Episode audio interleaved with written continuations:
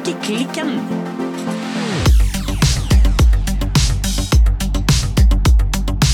Halloen, Silje. Hallo, Birte.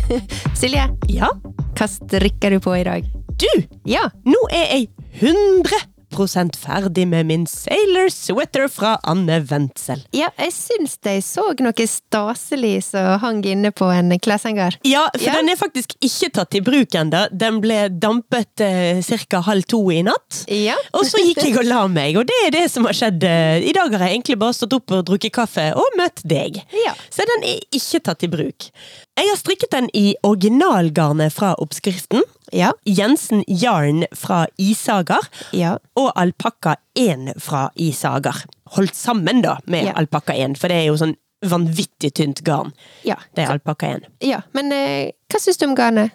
Det er Helt fint. Eh. Egentlig ikke så mye å melde. Det var fint, behagelig. All good. Um, har jeg noe lurt å si om det? Nei.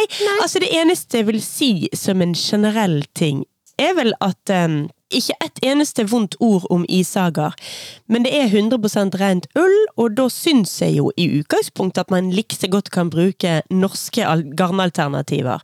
Ja. Jeg er jo, som du vet, veldig glad i finull fra Rauma. Jeg er veldig glad i flere av garnkvalitetene fra Hillesvåg.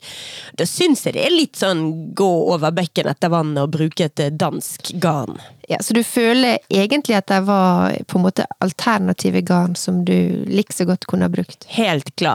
Og det er ikke fordi at det er noen ting gærent med dette garnet. Det er rett og slett bare Choose your local yarn. Altså, strikk sauer fra, eh, fra Norge. Ja. Så eh, nei, i utgangspunktet, skulle jeg ha strikket den på nytt igjen, så hadde jeg utvilsomt erstattet det med norsk ull.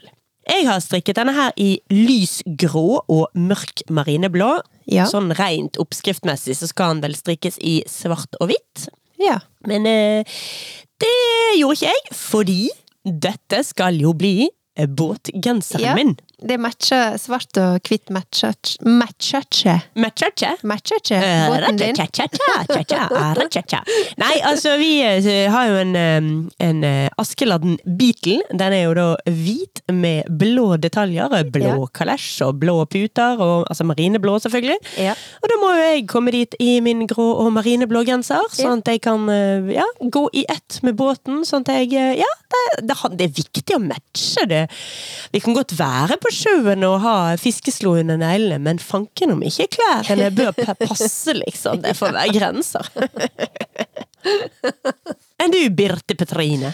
Jeg eh, strikker videre på min kardigan nummer åtte. Ja? Ja, fra eh, My Favorite Things Knitwear. Ja? Jeg er ikke kommet så veldig mye lenger siden sist. Jeg driver jo og vurderer nå dette her eh, bolprosjektet. Ja, det snakket vi om forrige uke. Strikke en cardigan rundt og rundt, og ikke frem og tilbake. Ja, så jeg eh, tenker at eh, ganske snart nå så må jeg rett og slett ta en avgjering på det. Ja, det er ikke som om det går an å ombestemme seg. Nei, det er egentlig mest det jeg driver og tenker litt på nå. Jeg håper å si to, to knit around or not. To, to cut or not. Ja, noe der.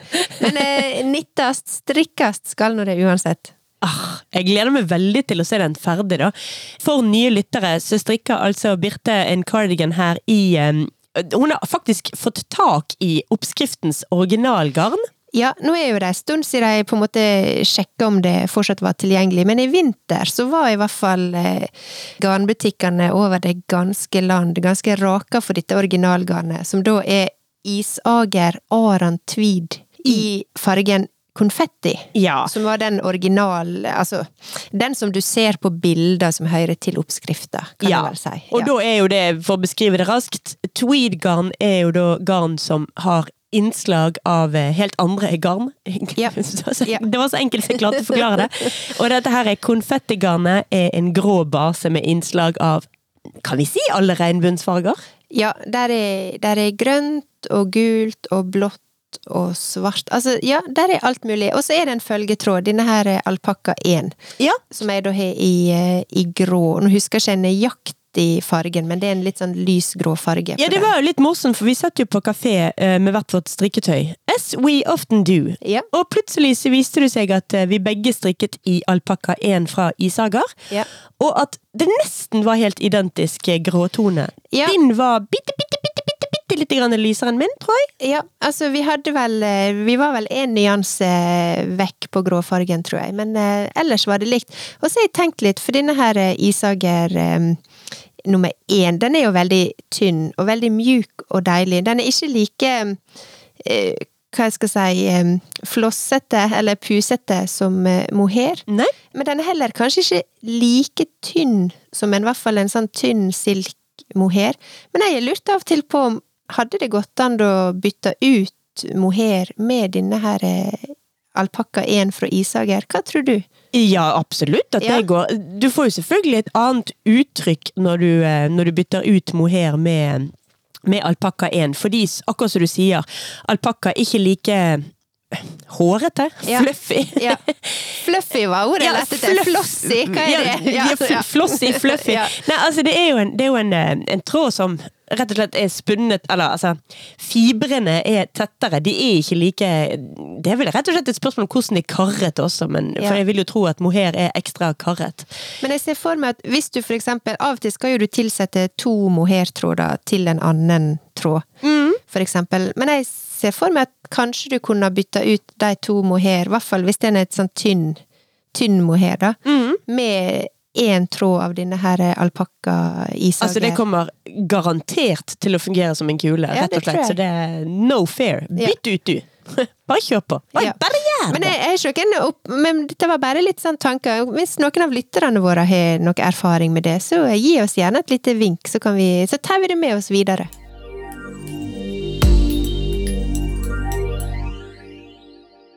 I dag Ja. så skal vi snakke om mote og klær som kulturelt fenomen. Ja. For kan mote og klær betyr noe mer enn estetikk? Kan klær handle om noe mer og ja, kanskje noe viktigere enn det å holde personen som bærer klærne, sånn noenlunde varm og anstendig? Kan klær være politiske? Kan de være poetiske? Kan klær være kunstverk? Og hvilke kulturelle fenomener kan vi finne i klær og mote? Og dette her, dette her er jo et perfekt tema for oss i Strikkeklikken, Birte. Jeg føler, Det var du som kom opp med dette temaet, men jeg føler det er litt sånn lissepasning til meg. Ja, ja. altså, vi er jo For nye lyttere. Birte og meg, vi er jo to eh, veldig gode venner. Vi er, og vi er like på ganske Ja, mange områder. Vi, vi har mange like referanser. Ja, det er vi. Ja.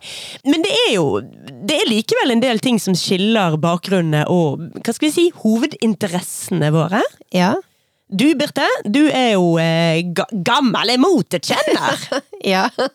Eh, du har jo et eh, klesskap til å dø for. Oi, et stort et også. Ja, et stort og veldig innholdsrikt klesskap. Du har en fortid som innkjøper for Bergens eh, beste motebutikk. Du har til og med drevet en moteblogg en gang i tiden. Ja, ja. Altså, mote, og da spesielt i forhold til klær, da, det har jo interessert meg siden jeg var veldig liten. Jeg har også vært interessert i altså akkurat det vi snakker om nå. Noe mer enn bare mote som noe overfladisk, og som handler om at buksene skal være smale en sesong, eller vide neste sesong.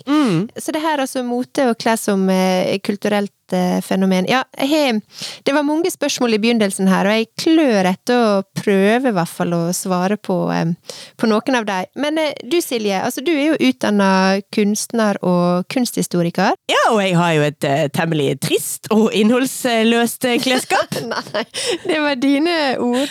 Jo, men jeg har jo til gjengjeld en aldri så liten kunstsamling og en uh, helt klart større kunstboksamling. Ja. Så da er jo spørsmålet hvordan kan disse to interessene våre forenes? Altså, hva er sammenhengen mellom mote og klær og kunst og kultur?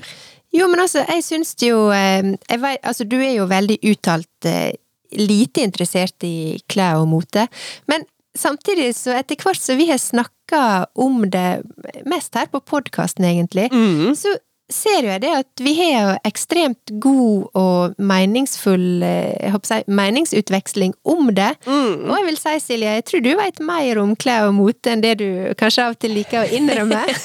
Ja, det er, altså, det er jo ikke helt sant at jeg ikke altså, Det er for det første ikke det sant at jeg ikke er opptatt av klær, kjære vene. Jeg strikker, Ja. jeg, jeg, jeg elsker kimonoer. Altså, det er masse ting på klær jeg virkelig setter stor pris på. Jeg, eh, jeg, jeg har for eksempel altfor mange kåper. ja.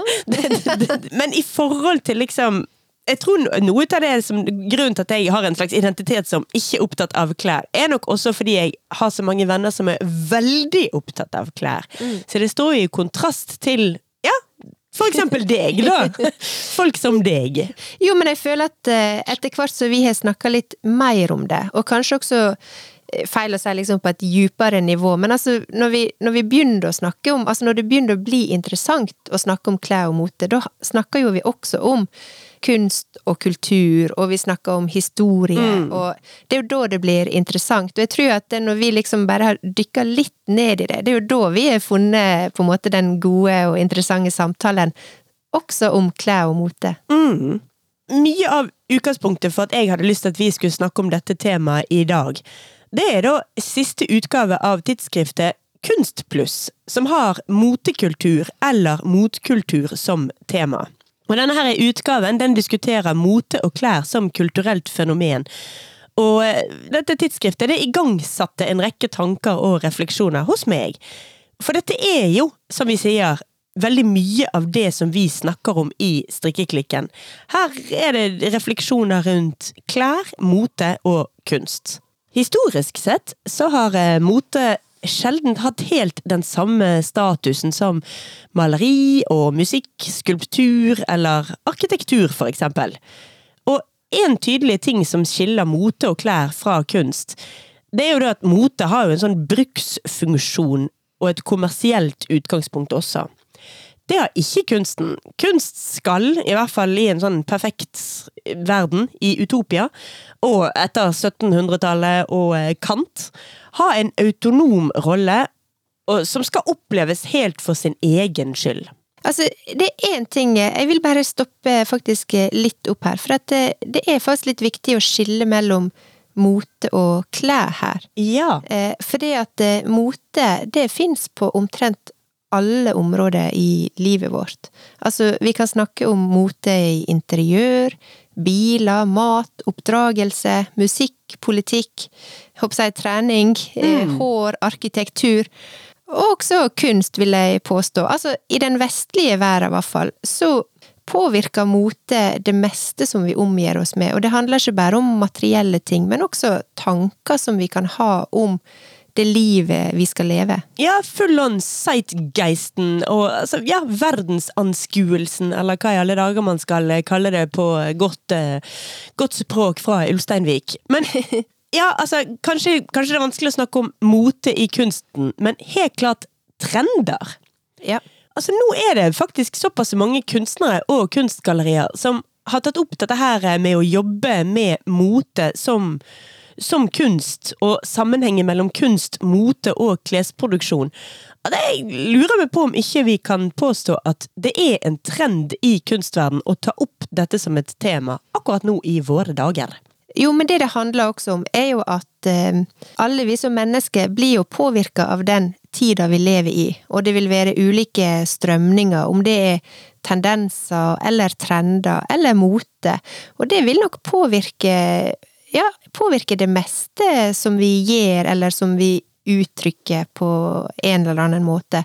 Men jeg hadde litt lyst til å bare fortelle litt om definisjonen på, på mote. Jeg fant en definisjon her, og der står det at mote er som regel det som er moderne eller tidstypisk, og det kan representere en herskende stil eller meningsretning. Og så selv om vi bruker ordet mote særlig om klesmote, så er det som jeg nevnte i stad, så det omfatter alle områder der oppfatningene kan skifte etter kortere eller lengre tid. Og det kan gjelde alt mulig, altså musikk, kunst, design, humor, politikk, eh, navn, vi har navnetrender for eksempel. Det kan være veldig mye, nesten hva som helst som blir påvirka av enkeltindivid eller ei sin mening om smak og behag. Mm.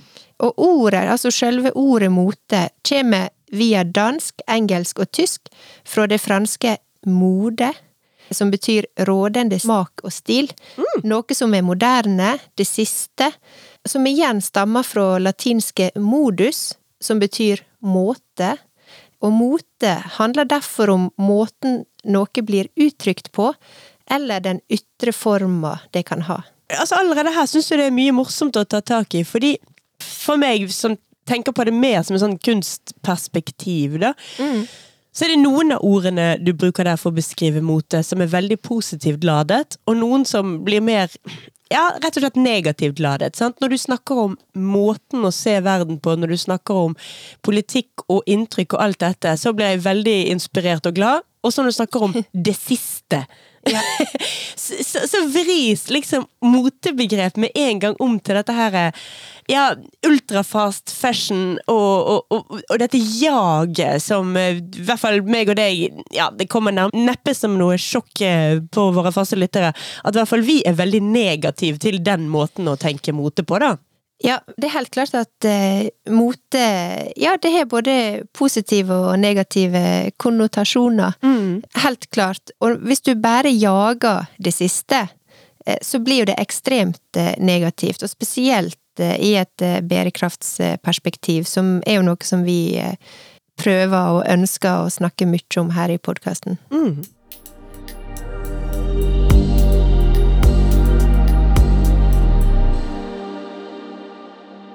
Altså, Jeg spurte jo litt sånn eh, retorisk eh, innledningsvis om eh, klær kan være politiske, religiøse, undertrykkende, poetiske, om de kan ha andre betydninger. Ja. Og ja! Kan vi vel Ja. bare slå først? Ja, ja, ja. Og ja. Altså, et eksempel er jo selvfølgelig denne her rosa pussy-hatten som eh, markerte motstand mot eh, Donald Trump og kvinneundertrykking og eh, konservative krefter sin fremmarsj i USA. ja. Et annet eksempel på at klær kan være religiøse, det er jo bruken av hijab. Ja. Som, det viser jo en religiøs tilknytning, mens eksempel bruk av burka og nikab, i alle fall brukt i våre deler av verden, viser en radikal religiøs tilknytning. I USA så bruker man gjerne fengselsdrakter i oransje, eller faktisk i svarte og hvite striper. Ja. Og det, det er noe man gjør helt bevisst. Dette gjør man for å undertrykke og shame innsatte, altså fangene. Og dette er jo heldigvis ikke noe vi gjør i eh, Norge. Nei, men altså, klær har historisk sett eh, vært en veldig viktig identitetsmarkør. Altså Hvis vi tenker nyere tid, tenk på alle subkulturene, for eksempel.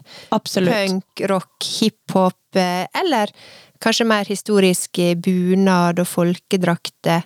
Eller tenk på nonner og munker og prester, hvordan de klær seg. Eller alle disse her tegneseriefigurene, Donald Duck, Spiderman eller Batman. Måten de kler seg på, er jo en ekstremt viktig del av deres identitet. Jeg syns også det er litt sånn når jeg forberedte meg til denne episoden, så begynte jeg også å tenke på for eksempel Steve Jobs, som kledde jo seg i det samme hver dag. Ja, og det er jo litt morsomt. Altså, Steve Jobs, grunnleggeren av uh, Apple, Apple, ja. han gikk jo alltid i en høyhalsete, eh, svart pologenser. Ja. Og det morsomme er jo at hun eh, Holmes Hva var det hun heter fornavn? Elizabeth Elizabeth Holmes. Holmes, Ja. ja. Hun scam-artisten som eh, sto bak eh, som Ja. skulle lage sånne Du skulle levere inn en liten blodampull og få analysert eh, omtrent hele din medisinske historie. Har du sett serien? Jeg har ikke sett serien, jeg har sett noe mye bedre. Jeg har sett dokumentaren Ja, om det den- hele. ja. Og jeg liker dette! Du med en gang! Har du sett serien? Og jeg med en gang! Jeg har sett dokumentaren! Nei, altså Hun kopierte jo denne høyhalsete svarte genseren til Steve Jobs. Rett og slett for å kle, kle seg ut som en tech-gründer. For det er tydeligvis den eh, offisielle uniformen til tech-gründere i våre dager. Ja, altså uniform eh, er jo et eh, ord. Altså vi har alle våre på en måte uniformer som blir brukt helt bevisst. Enten for å skape tilhørighet, eller for å skille seg ut også. Vise at du, du er ikke en del av oss. Det kan også bli brukt til det. Men bare for å, å fullføre med Steve Jobs. Altså han kledde seg i det samme i altså over flere år. Altså tiår. Mm. Eh, han hadde på seg en blå jeans, han hadde på seg noen grå New Balance eh, joggesko, og så hadde han denne svarte høghalsa genseren.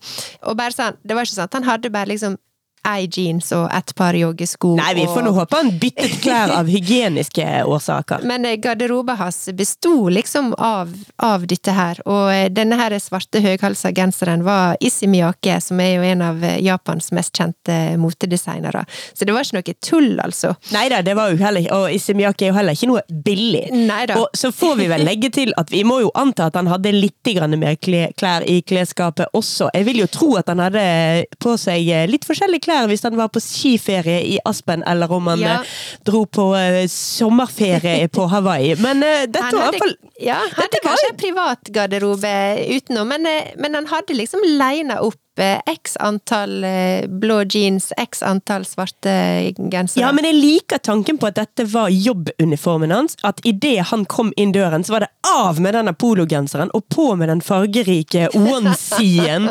og Steve Jobs bare wow, Endelig! Farger, frihet, glede. Jo, altså, men det han sa sjøl om det, det var at eh, hvis du har på deg noe som er rett, mm. så blir du, altså du, da er, blir du komfortabel. Og så sier han And it's also great to have a trademark look. It makes you memorable and distinctive. Så det var jo helt bevisst at han valgte å bruke det samme igjen og igjen. Og så er det også noen som sier at uh, grunnen til at mange klær seg likt hver dag, altså har denne her uniformeringa også i sitt private liv, det er jo for å redusere ting som du må ta stilling til. Altså reduce decision fatigue. Mm. Uh, du ser jo Mark Zuckerberg, han går jo i denne grå T-skjorta. Det er jo liksom hans sin har sin greie. Ok, klarer ikke liksom altså han, I mitt hode er i hvert fall ikke han like ikonografisk som Steve Jobs. I det du sier Steve Jobs, så er jeg på svart pologenser, men ja. Mark Zuckerberg han bare Jeg ser for meg ja. det teite trynet hans, men jeg ser ikke ja. for meg klærne. Nei, men det er nettopp det, for han går jo bare med ei helt anonym grå T-skjorte. Mm. Hvis du søker opp bildet, så er du det du ser. Og det, det minner meg litt på at eh, hvis du ser for eksempel i TV-serier eller i filmer, har du tenkt på at eh, disse karakterene de går ofte i de helt samme klærne dag etter dag, eller altså gjennom hele TV-serien. Det er jo selvfølgelig for å skape tydelige identiteter, eller liksom understreke personligheter til disse karakterene. Mm. Eh, for det er noe som jeg har tenkt på også, at eh, ofte så Det er ikke bare det at de har en viss stil, men oftest kan du se at de bare går med det absolutt det samme gjennom hele serien. Og det er for å understreke karakterene og identiteten til eh, til karakterene. Ja, eller man kan bruke da de klærne de bruker i disse TV-seriene for å uttrykke og underbygge en karakterutvikling. Ja. Ta uh, Walter White i uh, Breaking Bad, sant, som begynner med en garderobe virkelig, hvor han virkelig ser ut som det han var da, nemlig en, eh, en high school uh, kjemilærer. Ja. Og så etter hvert så får han denne her ikoniske svarte, flate hatten sin når han blir mer Hva var det han het? Heisenberg? Jeg husker ikke helt hva Jeg har ikke sett den serien. Nei, men kjære vene, har du ikke sett Break? Ok. Ja. Det et tema vi skal snakke om en annen gang. Anyway, nei, altså han får en mer eh, Ja, når han blir litt slemmere, så blir garderoben hans også litt slemmere.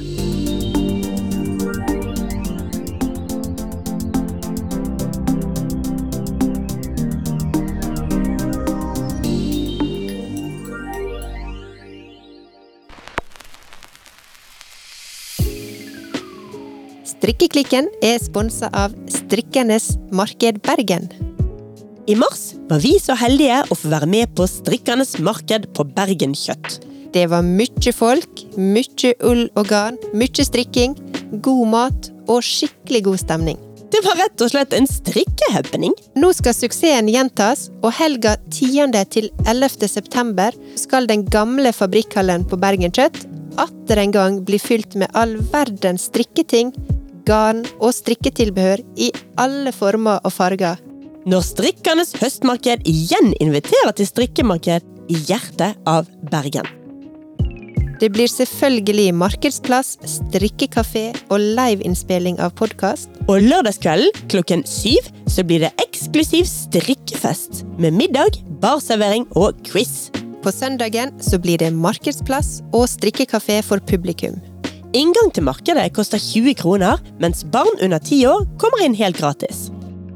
For mer informasjon, program og utstillere så kan du følge Strikkernes Marked Bergen på Instagram. Eller sjekke ut nettsiden strikkernesmarkedbergen.myshopify.com. Vi ses på marked!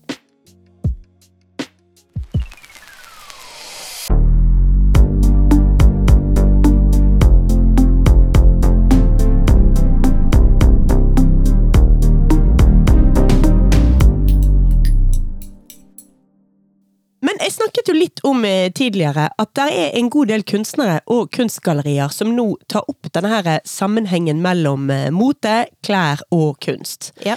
I eh, november 2021 til mars 2022 så viste blant annet eh, Lillehammer kunstmuseum utstillingen Please Clean Up Honey av danske Henrik Vibskov. Som jo er en av Skandinavia sine viktigste motedesignere. Han har eh, inntatt kunstarenaer verden over med storm.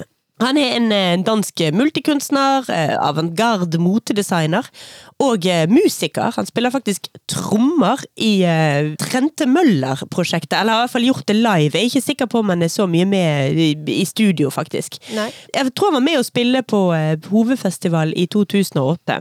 Henrik Vibskov avla eksamen som designer ved Central St. Martins College of Art and Design i London i 2001, og begynte samme år sitt eget klesmerke. Så det at han også tas inn i kunstutstillingsrom, som blant annet Lillehammer kunstmuseum, viser jo en det jeg tenker på som en hva skal man si, trend, tendens, som er gjen, gjengående, gjennomgående, Ja. i samtidskunsten i dag. I eh, 2017 så vant Anne Imhoff sitt verk Faust. Det vant Gulløven under Venezia-biennalen. Som jo er en av de største biannuale mønstringene for samtidskunst i verden. Prosjektet Faust det var en sammenblanding av ulike uttrykksformer som eh, musikk, performance og installasjon. Men samtidig så jobber hun eh, Imhoff. Hun jobber med å iscenesette kampanjer for motehuset Burberry. Hvor hun blant annet har eh, samarbeidet med ja, Jeg vet ikke hvordan navnet hans uttales, men jeg sier Ricardo Tiski. Ja. Tiski? Tiski? Hva sier vi egentlig? Nei, eh, uttalelse er ikke min sterke side, men jeg skjønner hvem du mener. Ja, det er jo en av Han er vel kreativ leder for Burberry, ikke det? Eller motehuset, et eller annet kreativ Le Dude. Han er Le Dude i Burberry. Ja. Og da er det altså han og um, Anne Imhoff de har samarbeidet om uh, performance og videoverk. Og i galleriet Northing Space i Bergen, der vises eh, for tiden en utstilling som viser vevede tekstiler laget av eh, derung-folket i Kina. Dette er et samarbeidsprosjekt mellom designbyrået Kli Kli og altså disse her derung-kvinnene. Det er en veldig fin utstilling som består både av eh, vevede tekstiler, en fotoserie, der er mye tekst. Det er kanskje litt vanskelig å kalle det en kunstutstilling, det er mer et presentasjon av eh, dette prosjektet til mm. Klikli og Derung-folket. Men det er jo i et eh, kunstgalleri. Ja. Som jo altså er det vi snakker om i dag. Sant? Dra dette her inn i kunstrommet også. Ja, for at betyr det kanskje egentlig at eh, Hvis vi frir oss litt fra mote, for at det, han, mote handler ikke nødvendigvis bare om eh, klær, men at, at klær og tekstiler kanskje begynner å få en litt høyere status? Ja, altså i hvert fall Jeg syns det er vanskelig å liksom Høyere status, lavere status. Det er så fryktelig verdiladete ord. Men at det i hvert fall kommer inn i kunstgallerirommet også, da. Ja. Så får man heller eh, la være å lade det på noen med Nei, men noen... kanskje en, en, en litt annen type anerkjennelse, kanskje, da? Eller kanskje også en Det sier noe om at det er en kunnskap om at klær kan være mer enn bare denne her siste mota, og noe som er omgjengelig, og noe som håper jeg kommer og forsvinner like kjapt, eh, håper jeg. Ja. Ja, og en interesse for I hvert fall i denne utstillingen på, um, på Northing Space, så er det en interesse for hvordan tekstilene produseres. Ja. Og det som jeg syns er veldig fint der, da, at i hvert fall jeg, når jeg tenker på liksom raskt Se for deg en tekstilprodusent fra Asia. Så ser man for seg noen som jobber eh, under ganske kummerlige kår, og mye, det er mye lidelseshistorikk. Ja. Mens disse derung-kvinnene eh, Dulong, unnskyld. Dulong-kvinnene. Og jeg uttaler det garantert feil, altså. Eh, Men disse Dulong-kvinnene den fotoserien som er i Northing Space, viser de som veldig sterke, lykkelige. De har sin egen veveteknikk, som er ganske enkel. Altså, alt de trenger, er å knyte opp noe på en stolpe eller et eller annet, og så bruker de noen pinner, og så må de sitte ganske langt fra den stolpen, da. Ja. Men de sitter liksom ute og i kvinnekollektiver. De sitter ikke inne på disse her kjipe, grusomme klesfabrikkene som man har hørt så mye fryktelig om. Men altså, dette her er prosjektet. Etter hvert som det utviklet seg, så våget Kli-Kli designteamet seg inn i flere områder av eh, vevtradisjoner, og de ble venn med stadig flere mennesker i dette Dulong-samfunnet. Og målet har vært å liksom koble en urban, eh, urban livsstil sammen med liksom disse her tradisjonelle landlige vevteknikkene. Og øke gjensidig forståelse mellom samfunn, da gjennom vevede varer. For min del så liker jeg altså spesielt godt dette her eh, at vi slipper den standardiserte fremstillingen av asiatiske tekstilarbeidere som ofre og underprivilegerte. Jeg liker de veldig godt denne fotoserien de har i utstillingen, med bilde av Dulong-kvinner som sterke og vakre, og som på ingen måte utstråler at de er ofre for en eller annen sånn ond klesindustri. Så det, det syns jeg var veldig gøy. I tillegg vil jeg bare nevne helt til slutt at nå i august så åpnet eh, tekstilkunstneren Kiyoshi Yamamoto Ja. utstillingen Dristig hvor snart er nå på eh, Galleri LNM, eller Galleri Landsforeningen Norske Malere, står vel det for, i Oslo. Det, der åpnet det altså en utstilling som inneholder verk inspirert av japanske håndtekstilteknikker. Utstillingen den, eh, den skal åpnes, må jeg jo si nå når vi spiller inn denne episoden, for den skal Ja. åpnes neste uke. Utstillingen den skal åpnes med en performance ute på Bankplassen med dansere som bærer eh, Kiyoshi Yamamotos sine håndlagete kimonoer. Ja. Og denne utstillingen det er både en hilsen til eh, Yamamoto sine japanske røtter, men også en eh, følelsesmessig respons på familien sine traumer etter bombingen av Nagasaki i eh, 1945. Så det er jo ikke en utstilling jeg eller noen andre har sett akkurat nå, Nei. men det var bare et lite sånn tips jeg hadde lyst til å ha med helt på slutten der. ja, interessant.